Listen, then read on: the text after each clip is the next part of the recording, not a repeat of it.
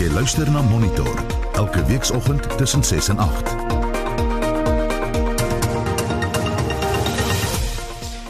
En die program skole landwyd maak die 27ste Januarie weer oop. Ons vra of dit wel moet voortgaan of nie, dalk as of dit dalk hersien moet word nie. Ons kry ook 'n reaksie op die departement van basiese onderwys se planne om aanlyn skole in die staatssektor te open.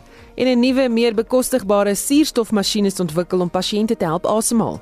It's a surprisingly simple device that takes a, a couple of components that we already use in the medical world and, uh, and puts them together into a single package that we found to be surprisingly effective. Ek is Susan Paxton. En ek is Gustaf Vreiling. Goeiemôre en baie welkom hier by Monitor.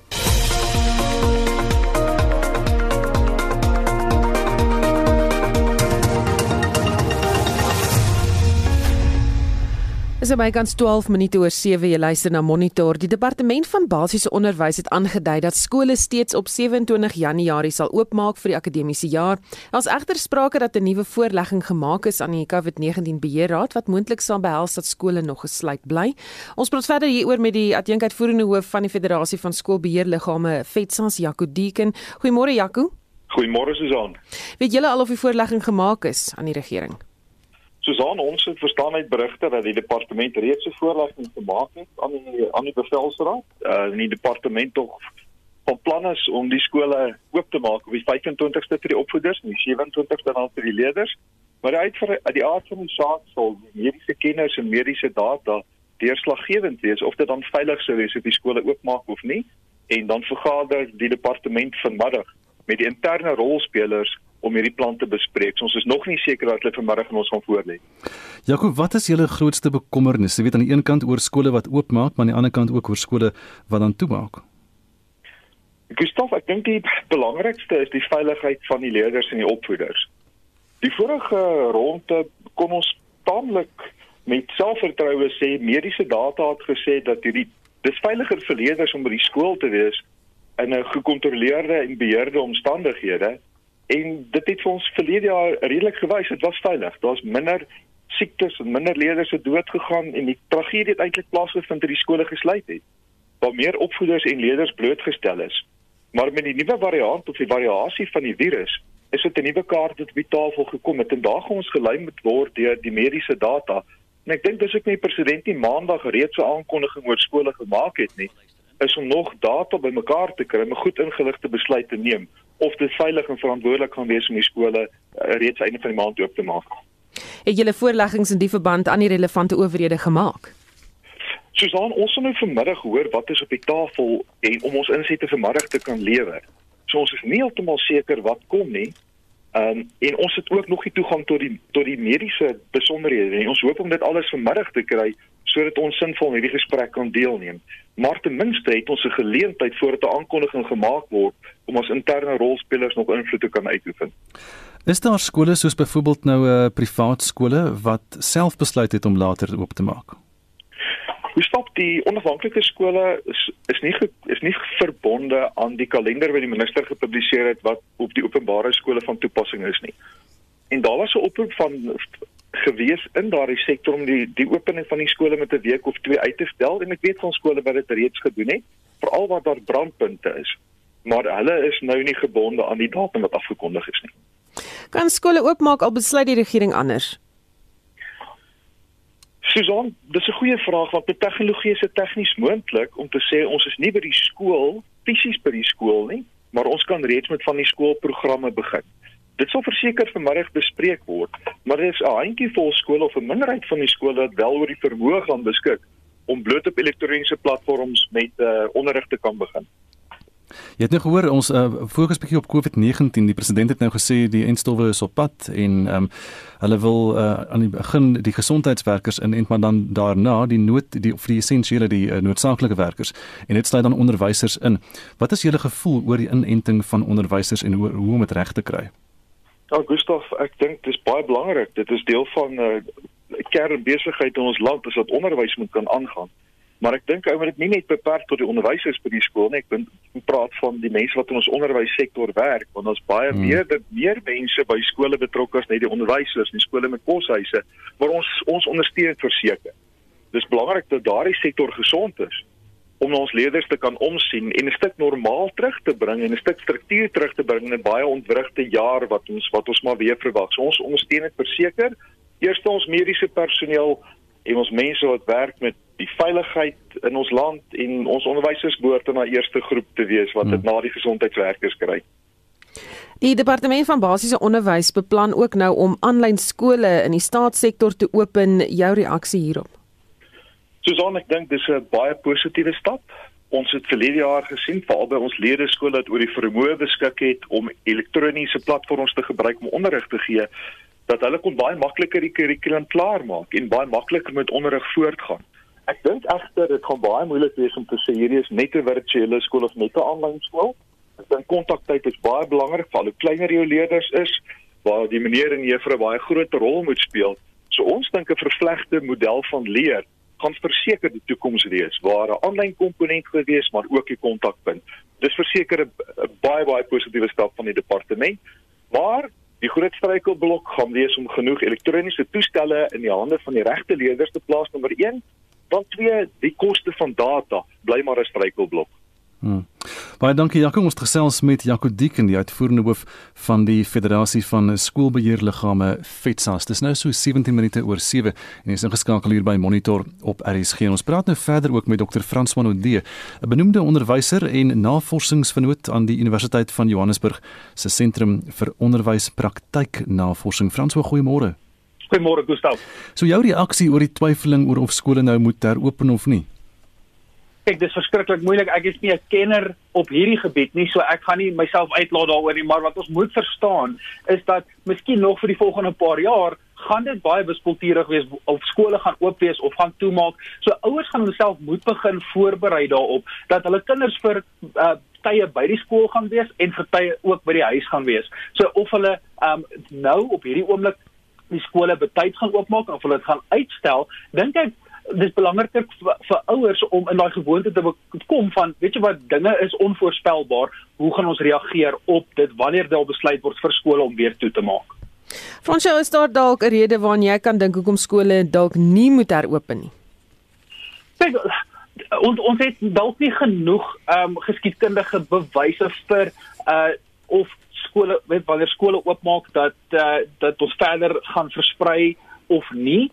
So dink 'n konservatiewe um, aanslag is miskien nie 'n slegte idee nie, alhoewel ons meer en meer begin sien dat wanneer skole oopmaak, dit belangriker is vir kinders om weer by die skool te wees, um, vir nie net hulle opvoeding nie, maar ook vir sosiale maatskaplike redes. Nou hier is natuurlik 'n baie um, onsekerheid vir baie van die ouers en en die kinders self ook. Het jy enige wenke vir hulle uh, nou goed wat hulle kan doen om die kinders skoolgereed te kry en te hou en dan ook berusting te bring in hierdie onsekerheid tye? Gustav, wanneer ek met praatjies by skole doen en ons met ouers werk, is daar vyf wenke wat ek altyd deel en ek gaan hulle vinnig um, met julle deel. In die eerste plek wil ons nie hê dat ouers moet bydra tot die angs en die spanning van die kinders nie. Dinge is onvoorspelbaar. Mense oor die algemeen is baie negatief en as ons as ouers wat nou eintlik die weet die leiersfigure in die huishouding moet wees, nou nog verder bydra met negativiteit en sleg praat oor onderwysers, en die skool sleg sê, dan gaan daai um uh, uh, ons kinders vasgelê word en dit gaan dan weet vir die kind nie lekker maak om te leer nie. So dit sou my eerste wenk wees. Tweedens, glo ek dis baie belangrik dat ouers en onderwysers nou baie nader aan mekaar moet beweeg, alhoewel ons nie noodwendig by mekaar kan wees nie. Ons moet die kommunikasiekanale wat die skool besluit het om op te gebruik, ons moet dit vertrou ons moet die onderwysers vertrou en ons moet gereeld met hulle in verbinding wees sodat daai kommunikasie weet daar nie 'n gaping ontstaan en weet ons kinders nie die nodige inligting kry wat nodig is nie. Hmm. Derdens is dit verskriklik belangrik om 'n uh, rotine, dissipline en dan ruimte te skep in ons huise. Jy weet as ons van die huis af werk as volwassenes, dan staan ons 'n sekere tyd op. Jy weet ons trek aan. Ons het 'n ruimte in ons in ons huis waar ons werk. Ons werk nie net sommer op ons bed nie. Ons uh, maak seker dat as ons daai spasie betree, dan is ons ook in die in die regte frame om te kan werk.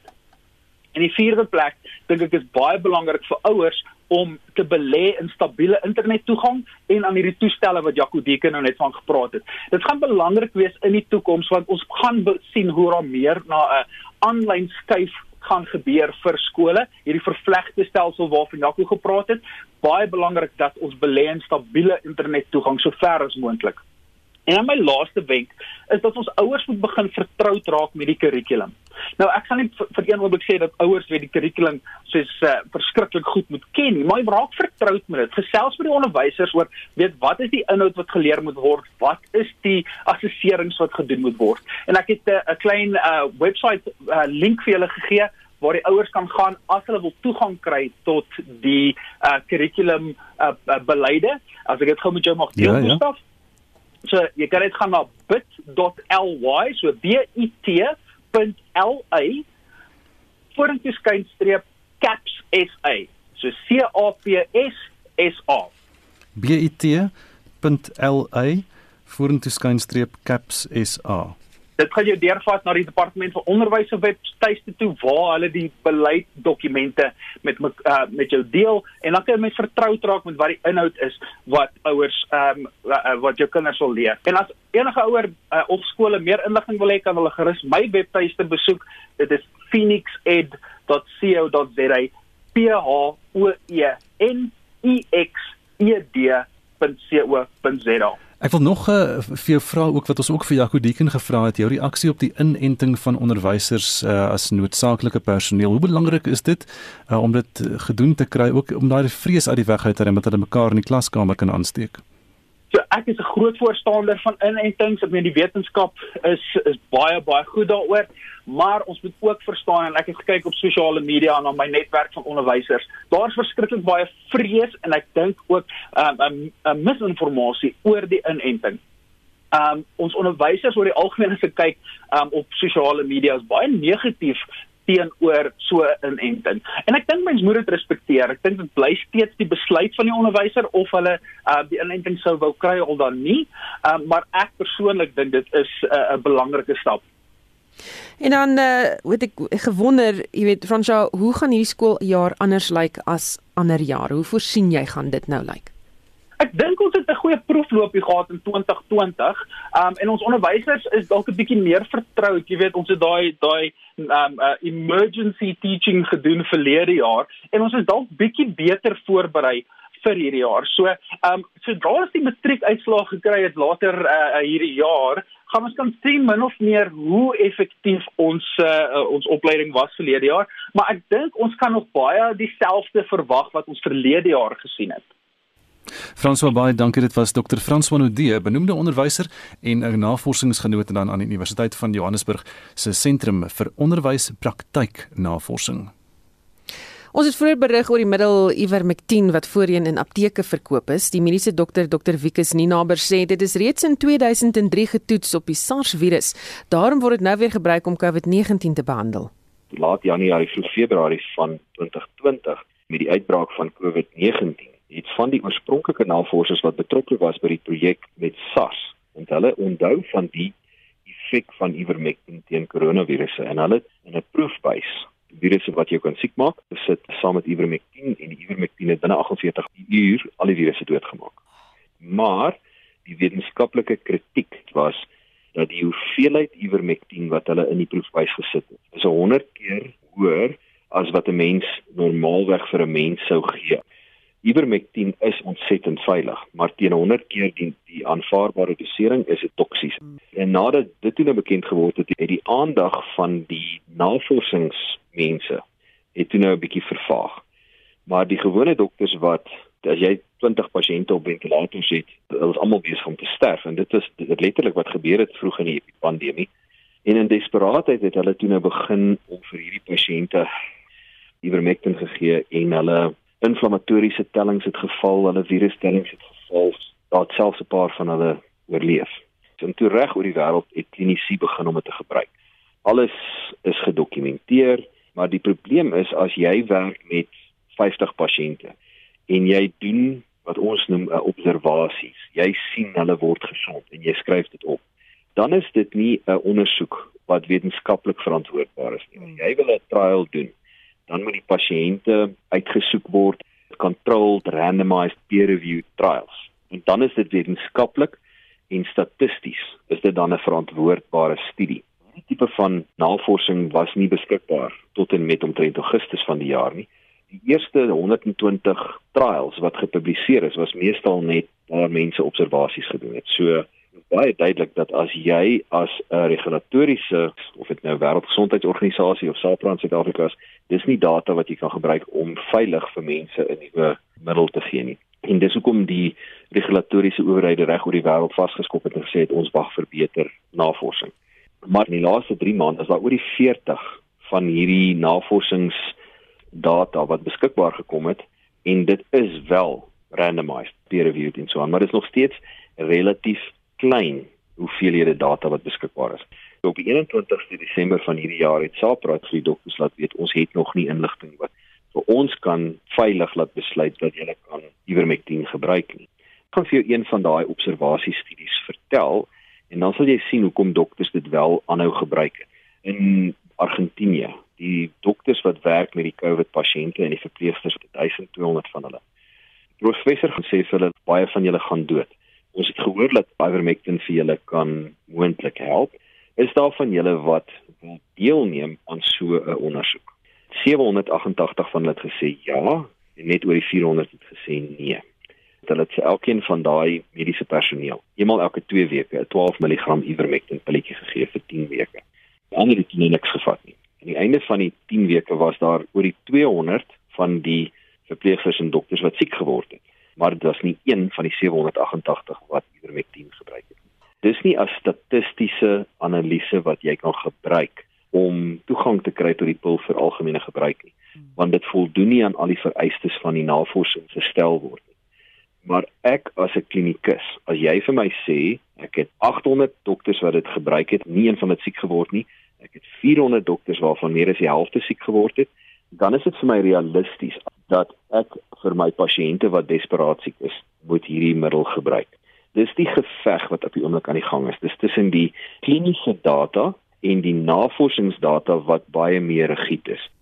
Dit was Dr. Wikus Ninaber, 'n medikus wat met Mitsi van der Merwe gepraat het. Jy luister na Monitor elke weekoggend tussen 6 en 8.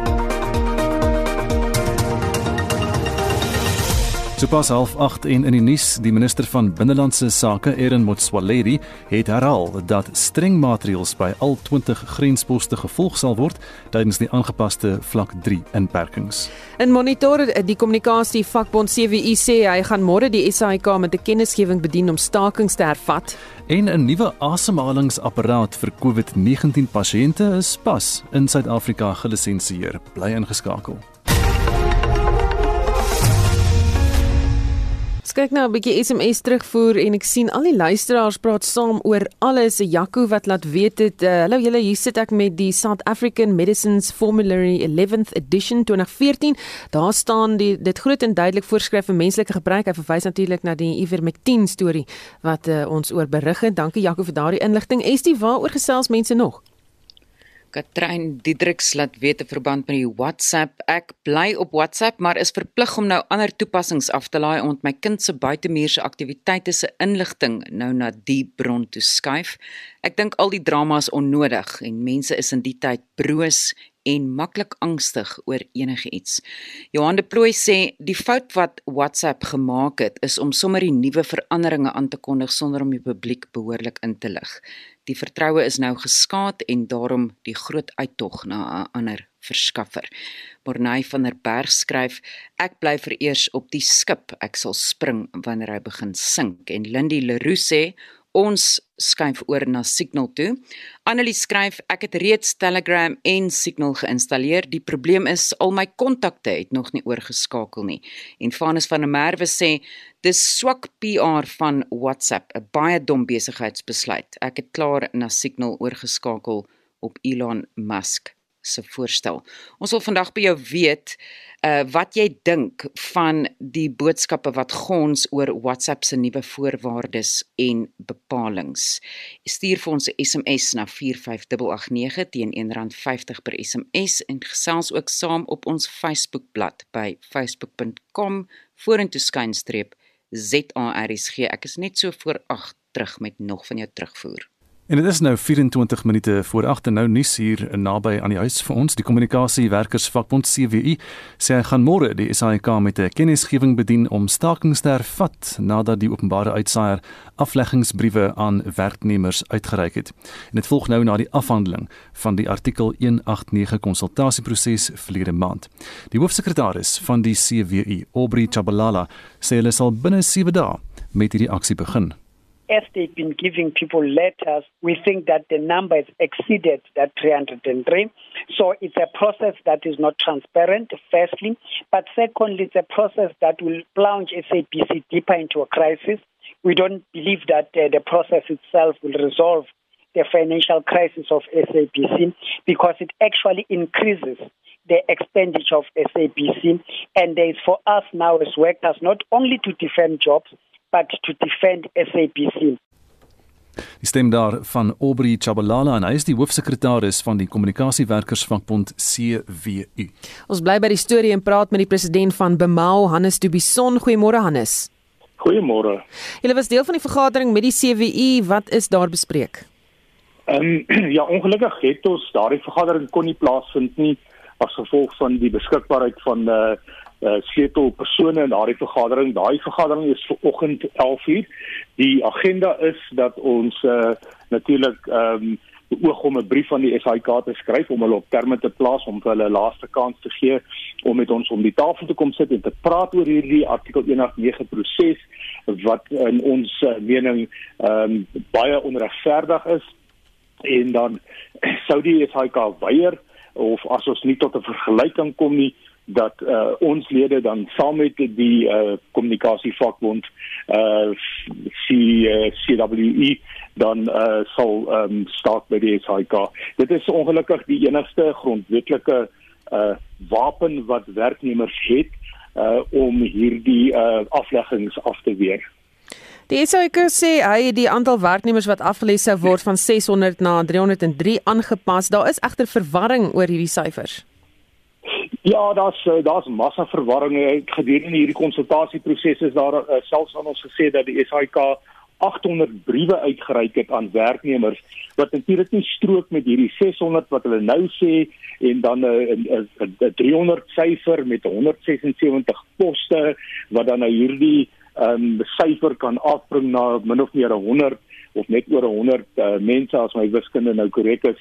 Ehm um, so hierdie syfers maak nie sin nie.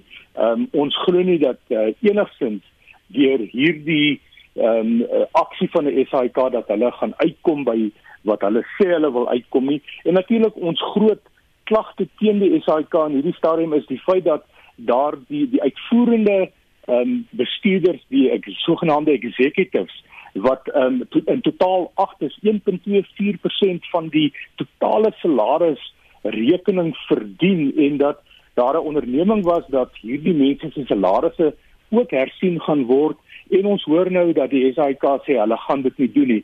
Die probleem is natuurlik dat 'n mens nou byvoorbeeld in sekere strukture sien dat 'n mens um een van hierdie uitvoerende bestuurders um sê nou maar die uh, hoof van uh, menslike hulpbronne wat op 'n skaal 115 sit. Ja, dit is nou in terme van die perronde stelsel wat die SAIK gebruik.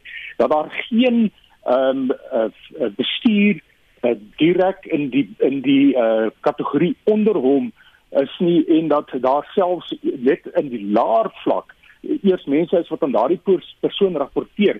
Dit kan mos nie wees dat so 'n struktuur sin maak waar daar 'n hele 'n uh, groep van bestuur uitgehaal is um, in senioriteit en dat junior bestuurders nou aan 'n uh, uitvoerende bestuurder rapporteer. Dit volg dat daardie mense se poste moet geëvalueer word, dit moet verlaag word en die klagte natuurlik is dat dit juis in daardie band waar die uh, sogenaamde bloated structure en hoë salaris uh, rekening is en daardie goed moet aangespreek word wat ons aanbetref die die personeel onder kan nie alleen die pak slaaf vat vir goed wat die vorige raad en bestuur verkeerd gedoen het nie.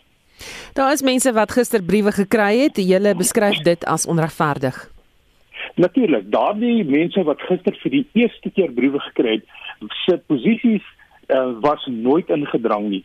En uh, om dan nou um, skielik 'n brief te kry om te sê jou posisie is in gedrang is is is is onbillik. Enige ander persoon wat voor die tyd 'n maand of twee voor die tyd al briewe gekry het, kon hulle lewens beplan het, kon gaan sit en gesê het, "Wat gaan ek nou doen? Kan ek gaan ander werk soek?" Daardie mense word nou skielik um, in in in die spervuur geplaas um, en ons weet nie hoekom daardie posisies nou skielik ehm uh, oortollig verklaar word en dit was nooit voorheen verklaar nie.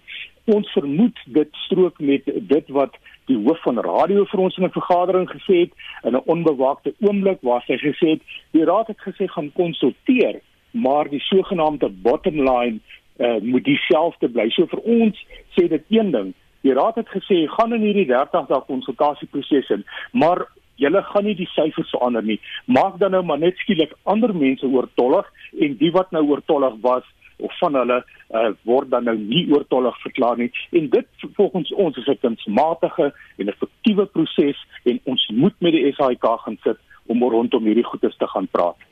Na julle mening tree die SAIK aan goedertrou op? Nee, absoluut nie. Die SAIK is uh, spesifiek byvoorbeeld in hierdie 30 dae proses is hulle gesê deur die fasiliteerder dat hulle besig is om 'n onbillike proses te volg. Die fasiliteerder het min of meer sy sakke gepak en was op pad uit. Uh, ons het hom gevra om asseblief te bly want ons het gedink dat hy baie goeie werk doen in terme van hierdie fasilitering. Ehm um, en hy het gebly, maar toe daardie kwessie byvoorbeeld uh bespreek moes word was dit min of meer aan die einde van die proses sy mandaat is geëindig en uh en dit is waar dit gestop het. So ons dink dat hy kan nie in goedertrou optree nie. Hulle is besig om uh merkies te maak teenoor sekere uh, uh vereistes in die wet en hulle blyk dit hoop om daarmee weg te kom indien hierdie hele proses aangevat sou word in die hof. Baie dankie dit was Hannes de Bisson die president van Bemau. Dis nou so 17 minute voor 8 uur by Monitor op RSG en is tyd vir vanoggend se wêreldnuus gebeure. En ons begin met nuus uit Amerika. Heinrich Weingart sluit nou by ons aan. Môre Heinrich. Môre Gustav, die nuus sentreer rondom die uittredende president Donald Trump. Hy sê sy toespraak verlede week wat kon gelei het tot die bloedige betogings by die Capitol Parlementsgebou was geheel van pas. Trump se adjunk Mike Pence het intussen aangedui dat hy nie ten gunste is daarvan om artikel 25 in werking te stel waar volgens 'n president wat vermoedelik nie by sy of haar volle verstand is nie deur die kabinet uit die pos verwyder kan word. Hier is die BBC se Barbara Platt Asher. This is the first comment uh, that he's made about this move, and he is telling the Speaker of the House, Nancy Pelosi, not to go through with it. He's saying that this would be something that would further inflame and divide the nation. He's asking her to work with him to unite the country and to try to lower the temperature. And he said that he would pledge to work with the incoming administration of Joe Biden so that things would go smoothly. It is reported by the New York Times that the top Republican in the Senate, Mitch McConnell, does believe that Mr. Trump's actions were impeachable.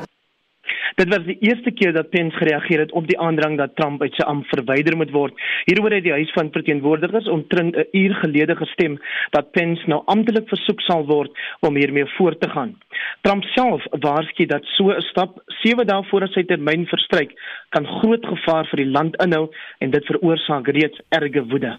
Nou intussen wys die Amerikaanse minister van buitelandse sake, Mike Pompeo, 'n vinger na Iran oor die terreurbeweging Al-Qaeda. Pompeo het voor die nasionale persklub die Iranese regering daarvan beskuldig dat hulle 'n nuwe tuiste en beskerming aan Al-Qaeda verskaf. Iran se eie minister van buitelandse sake, Mohammad Javad Zarif, het dit egter as oorlogsoekende leuns afgemaak. En Hendrik, jy het ook die jongste eh, COVID-19 syfers hier uit Afrika. Inderdaad, Gustav, die totale aantal COVID-infeksies in 55 Afrika lande het nou reeds meer as 3 miljoen bereik, terwyl die vastelandse COVID-dodetal tans op meer as 72000 staan. Suid-Afrika se syfers is die hoogste, naamlik 1,2 miljoen infeksies en meer as 33000 sterftes. En nog Afrikanis het met die Britse supermodel Naomi Campbell te doen. Die regering van Kenia word op sosiale media gekritiseer oor die Oos-Afrika land se toerisme ministerie Campbell as nuwe toerisme ambassadeur aangewys het. Sommige landsburgers meen dit behoort eerder 'n bekende Keniaan te wees soos die Hollywoodster Lupita Nyong'o. En dan Heinrich Hart verskeurende toneel uh, op 'n internasionale nuuskanaal. Die CNN-korrespondent um, Sarah Seidner het kykers geruk met haar uiters emosionele regstreekse verslaggewing oor COVID-sterftes in Kalifornië. Seidner wat al uit oorlogsgebiede verslag gedoen het, kon haar trane nie keer nie oor die verskriklike tonele wat sy by 10 hospitale aanskou het waar families van hulle geliefdes moet afskeid neem. In een geval moes 'n roudiens vir 'n vrou in 'n parkeergebied gehou word. Hier is Seidner. This is the 10th hospital that I have been. I'm sorry. This is the 10th. I apologize. I'm to try to try to get through this. This is the 10th hospital that I have been in. And to see the way that these families have to live after this and the heartache that goes so far and so wide. It's really hard to take. I'm sorry, Allison. Hey, Sarah, no apology. No apology needed. Thanks. It's it's just not okay. It's not okay what we're doing to each other. These families should not be going through this. No family should be going through this. En dit was dan die stem van die CNN-verslaggewer Sarah Seidner wat vanoggend se eh, wêreldnuus deur Heinrich Weingart afsluit. Die Wes-Kaapse regering het 'n dringende hofaansoek gebring teen die Kanaland munisipale raadsverteenwoordigers en senior amptenare in 'n stap om onwettige aanstellings te voorkom. Die woordvoerder van die provinsiale minister van plaaslike regering, James Brent Stein, sê hulle wil ook die moontlike onwettige kontrakte keer. Die Wes-Kaapse provinsiale regering het 'n dringende hofaksie gebring teen verteenwoordigers en uh, amptenare van die Kanaland munisipaliteit Dit is 'n munisipaliteit in die tuinroete en uh besluit in die dorpe van Ladysmith, Zoar, van Wyksdorp en Kalitsdorp. Ons het reeds in 2017 'n uh, provinsiale ingryping onderneem in Kanaland uh, nadat ons 'n uh, versoek ontvang het van die destydse raad en daar was baie werk gedoen oor die afgelope 2 of 3 jaar om die munisipaliteit se finansiële sake reg te rig. James, daar is 'n groot projek waarmee hierdie munisipaliteit besig is. Wat is dit en hoekom is hierdie hofbevel dan so dringend? Dit is 'n baie arm munisipaliteit, 'n baie klein munisipaliteit. Hulle jaarlikse begroting is so 175 miljoen rand. Dit is baie min, maar ons het dit onder ons aandag gebring dat uh, die munisipaliteit die nuwe raad uh, in dit in die oog het om 'n groot projek aan te pak sonder die nodige goedkeuring en toestemming van die provinsiale en nasionale tesourie wat eh, sover ons kan agterkom is die waarde van hierdie kontrak wat hulle wil aangaan so wat 735 miljoen rand en dit sal die munisipaliteit bind vir so wat 25 jaar. So dis noodwendig 'n enorme bekommernis vir ons as provinsiale regering gegee dat dit so 'n arm munisipaliteit is. Weereens hulle jaarlikse begroting is maar 174 miljoen rand en uh, hierdie projek is so 735 miljoen rand. En soos ek genoem het, ons het in die verlede gesien dat die munisipaliteit sukkel om sy verantwoordelikhede uh, na te kom, sukkel in uh, dele met dienslewering en uh, daar is baie werk gedoen die afgelope paar jaar om die munisipaliteit reg te ruk. En hoe reageer die munisipaliteit oor hierdie onwettige aanstellings? Ons sien nou dat baie van daardie werk ignoreer word, van die tafel afgevee word onder meer deur die aanstelling van 'n klomp mense in die nuwe burgemeester en die nuwe speaker se kantoor. Ehm um, ons glo dat die jongste aksies deur die munisipaliteit nie net uh, moontlik onwettig is nie, maar dit ondermyn ook die enorme harde werk wat die afgelope 3 jaar ingesit is om die munisipaliteit se finansies te herstel en uh, meer die, die munisipaliteit op 'n volhoubare pad te plaas.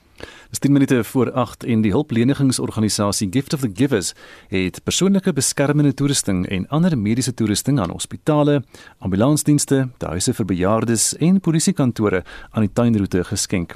Die toerusting, genaamd CPAP masjiene, gebruik nie elektrisiteit nie en verseker 'n konstante vloei van suurstof. Nou weens die skerp stygings in COVID-19 infeksies, is daar 'n groter vraag na suurstof vir pasiënte wat in ambulanse na hospitale vervoer word. Tanya Krause doen verslag. Die Gift of the Givers het 15 CPAP masjiene en 'n verskeidenheid persoonlike beskermende toerusting aan die Mosselbaai Provinsiale Hospitaal geskenk. Die organisasie se projekbestuurder, Elise Bly, sê hulle lewer 'n totaal van 60 masjiene aan die groter Mosselbaai gebied en 'n totaal van 250 aan die hele tuinroete. brought them CPAP machines, we brought them PPEs, which is your pulse oximeters, your thermometers, your KN95 mask, your three-ply mask, uh, your scrubs. We see that many of the doctors when they and the nurses when they see the scrub they start dancing already. We see notice this all around the country. So we are glad we could have be, uh, been an assistance to our healthcare workers. As we know they are facing the biggest strain. So it's nice to see them smile with a donation like this and making their work easier. And the main thing is to save lives. Die Mosselbaai Hospitaal het tans 13 COVID-19 pasiënte. Die hospitaalbestuurder, Dr. Jaco Botma, sê die skenking sal nie net help met die behandeling van pasiënte nie, maar ook die beveiliging van gesondheidsorgwerkers. Kyk, PPE was altyd 'n groot probleem geweest. Ons het op die oomblik is dit redelik beheerbaar omdat die gevalle afgekom het maar dis altyd welkom en dis dis redelik vinnig wat ons dit opgebruik. So ek dink is baie nuttig. Soos ek sê die CPAP masjiene is ons dalk hopelik is ons oor ons ergste nood wat ons daarvoor gehad het, maar ten minste het ons die versekering dat ons genoeg het in die toekoms as daar as as dit weer 'n derde vlaag weer kom. Die burgemeester van Mosselbaai, Harry Lewendal, sê die skenking bring verligting aan hul dorp. Ons weet almal die PPE en die masjiene wat hulle gekry het soos die suurstofmasjiene. Dis 'n aanvraag. Dis 'n groot aanvraag en soos ek verstaan kom daar 60 hier in Mosselbaai. So ek kan sien aan die gesigte van die dokter en van die verpleegsters dit is 'n welkome geskenk. Intussen het weermagslede hulle op Mosselbaai en Sedgefield gevestig om die polisie by te staan met die afdwinging van COVID-19 regulasies. Ek is Tanya Krause op Mosselbaai. Intussen is 'n nuwe asemhalingsapparaat vir COVID-19 pasiënte wat meer koste-effektief en hanteerbaar is, pas in Suid-Afrika gelisensieer. Mediese personeel voer tans 'n stryd om die tweede vlaag van die COVID-19 pandemie onder beheer te bring en in die proses is dit duidelik dat al meer suurstof gebruik word. 'n Narkotiseer, Dr. Craig Parker, het gehelp met die ontwerp van die Oxera asemhalingsapparaat. Hy sê dat die ontwikkeling hiervan deur duiktoerusting geïnspireer is. It's a surprisingly simple device that takes a, a, couple of components that we already use in the medical world and, uh, and puts them together into a single package that we found to be surprisingly effective on the sort of thicker end of COVID patients. And uh, it uh, comprises of a few components, a basic anesthetic mask, which is attached to a sort of a bag type um, oxygen mask, which you might have seen in the hospitals, together with an adjustable mechanical valve, which creates a slight pressure as you breathe out. And so, yeah, the combination of all those parts together um, makes sure that patients get a very high level of oxygen on inspiration and then some support when they breathe out to keep the lungs open. And uh, surprisingly effective. I was uh, actually on my way back from the UK uh, in March, and uh, everything was shutting down around me at least. And I, and I just thought that we needed to come up with something different for South Africa and other low resource environments. We were going to see similar patient volumes to the UK and Europe at that time, but we had a very different skill set and resources to cope with that. So we needed to come up with something simple and effective for our situation. And we went through a whole sort of evolution of designs. We started off with diving DV sort of inspired devices through non-invasive uh, BiPAP systems. And this was actually an offshoot of our main system we were developing we realized that this particular combination would be quite useful. And so when we tested it, we were blown away by how effective it was. And so we focused our effort on this particular one product from our suite of products that we've been working on. Parker sê die toestel is baie eenvoudig en so ontwerp dat dit nie moeilik is om te gebruik nie. You'll have all have seen uh, pictures of when someone gets put to sleep for an anesthetic. So there's that mask that has an inflatable cushion on it. And so that is the the patient interface, if you like, with some basic straps holding it on. And then you have a, a body, which is a plastic sort of tubular body. Uh, at the bottom of it is a bag where the oxygen comes in and gets accumulated. So while you're breathing out, the bag fills up. And then when you breathe in, you're able to breathe in what's coming down the hose and from the bag. And then on the one side is a thing called an anti-asphyxiation valve, and that allows you to breathe in, you know, let's say your oxygen runs out. You need some way that the, that you can still breathe as a safety valve. And uh, that's on the one side. And then on the other side is this adjustable mechanical valve, which you can adjust from in terms of centimeters of water. And that uh, adjusts the pressure that you breathe out. and there's a filter in the circuit which makes sure that the environment is safe for healthcare workers. Parker sê hulle wil so vinnig as moontlik die toestel versprei. Then we're busy ramping up production this week. Gabler Medical in Cape Town is manufacturing, distributing, and supporting the device for us. And uh, I think by the end of this week, we're hoping to have at least a thousand units done. And their goal is to get up to 15,000 units a week if needed for this. We've been you know, testing it extensively in the government uh, hospitals here as, as well as our private sector. And we've been engaging with uh, many of the role players in government for the last couple of months, really, in terms of the device and making sure that they know what it is, know how it works. Obviously, getting our SAPRA approval in December was a real watershed. They, you know, until that took place, uh, we couldn't really do too much. Parker sê die pandemie het die praktiese toepassing van medisyne heeltemal verander. Yeah, so I think that's something we, we took for granted before COVID was that oxygen was there when you needed it, and there was no real constraint on that. And we've seen that during this pandemic, you know, oxygen is is absolutely vital. It's highlighted the constraints we have in distributing oxygen and in terms of what hospitals are, are geared up to provide. So the overwhelming need of, of COVID patients is oxygen. Most patients will do well on standard face masks. Mm-hmm. So the bulk of our therapy, uh, district hospitals, even our tertiary institutions, is still oxygen face masks. But it's those patients who are not coping on that that need escalation to something else, and that's where uh, our device fits in. It bridges very nicely between uh, the standard oxygen masks and then your much more expensive, much more resource intensive, uh, much more skill required to run your non invasive ventilations and obviously mechanical uh, ventilation and intubation. And that's been the challenges. Those, those all are, are you know, ICU based, typically requiring large volumes of oxygen. And, uh, and our device sort of helps bridge that gap, if you like. En dit was Dr. Craig Parker, 'n narkotiseer wat een van die ontwerpers is van die Oxera asemhalingstoestel. Estie Nikki Uber Dickinson laat weet ek bly by WhatsApp en het Telegram afgelaai vir ingeval as ekstra kontakmetode vir my besigheid. Christel Pretorius Botha sê dit is 'n oorreaksie. Ek dink ook daar word agter bekende persoonlikhede se uitsprake aangehardloop met 'n bietjie verwarring tussen die privaatheidskwessie wegstroming en die politieke wegstroming. En Leon de Jong skryf: "Dis nou tipies mens. Stories word versprei en opgemaak en die res volg soos skape. En Susan Blom Vos laat weet daar is redes om skepties te wees oor ander toepassings, maar ek bly by WhatsApp. Baie dankie vir jou terugvoer vandag. En daar's ook van die luisteraars wat sê almal wat sowel Telegram toe gaan onthou Telegram kom van Rusland af, is 'n Russiese toepassing. En hy lyk of hy nie of hy binnekort gaan geld vra vir hom om te gebruik. Ons kom so aan die einde van Monitor. Ons groet namens ons waarnemende uitvoerende regisseur Hendrik Martin, die redakteur vanoggend was Justin Kennerly en ons produksieregisseur is Lewona Bekes. As jy ingeskakel bly hier op RSG net na die 8uur nuus kan jy luister na Praat Saam met Lenet Fransis Spuren. Ons groet van Monitor tot môreoggend om 6uur. Ek is Gustaf Greiden. En my naam is Susan Paxton. Geniet jou dag.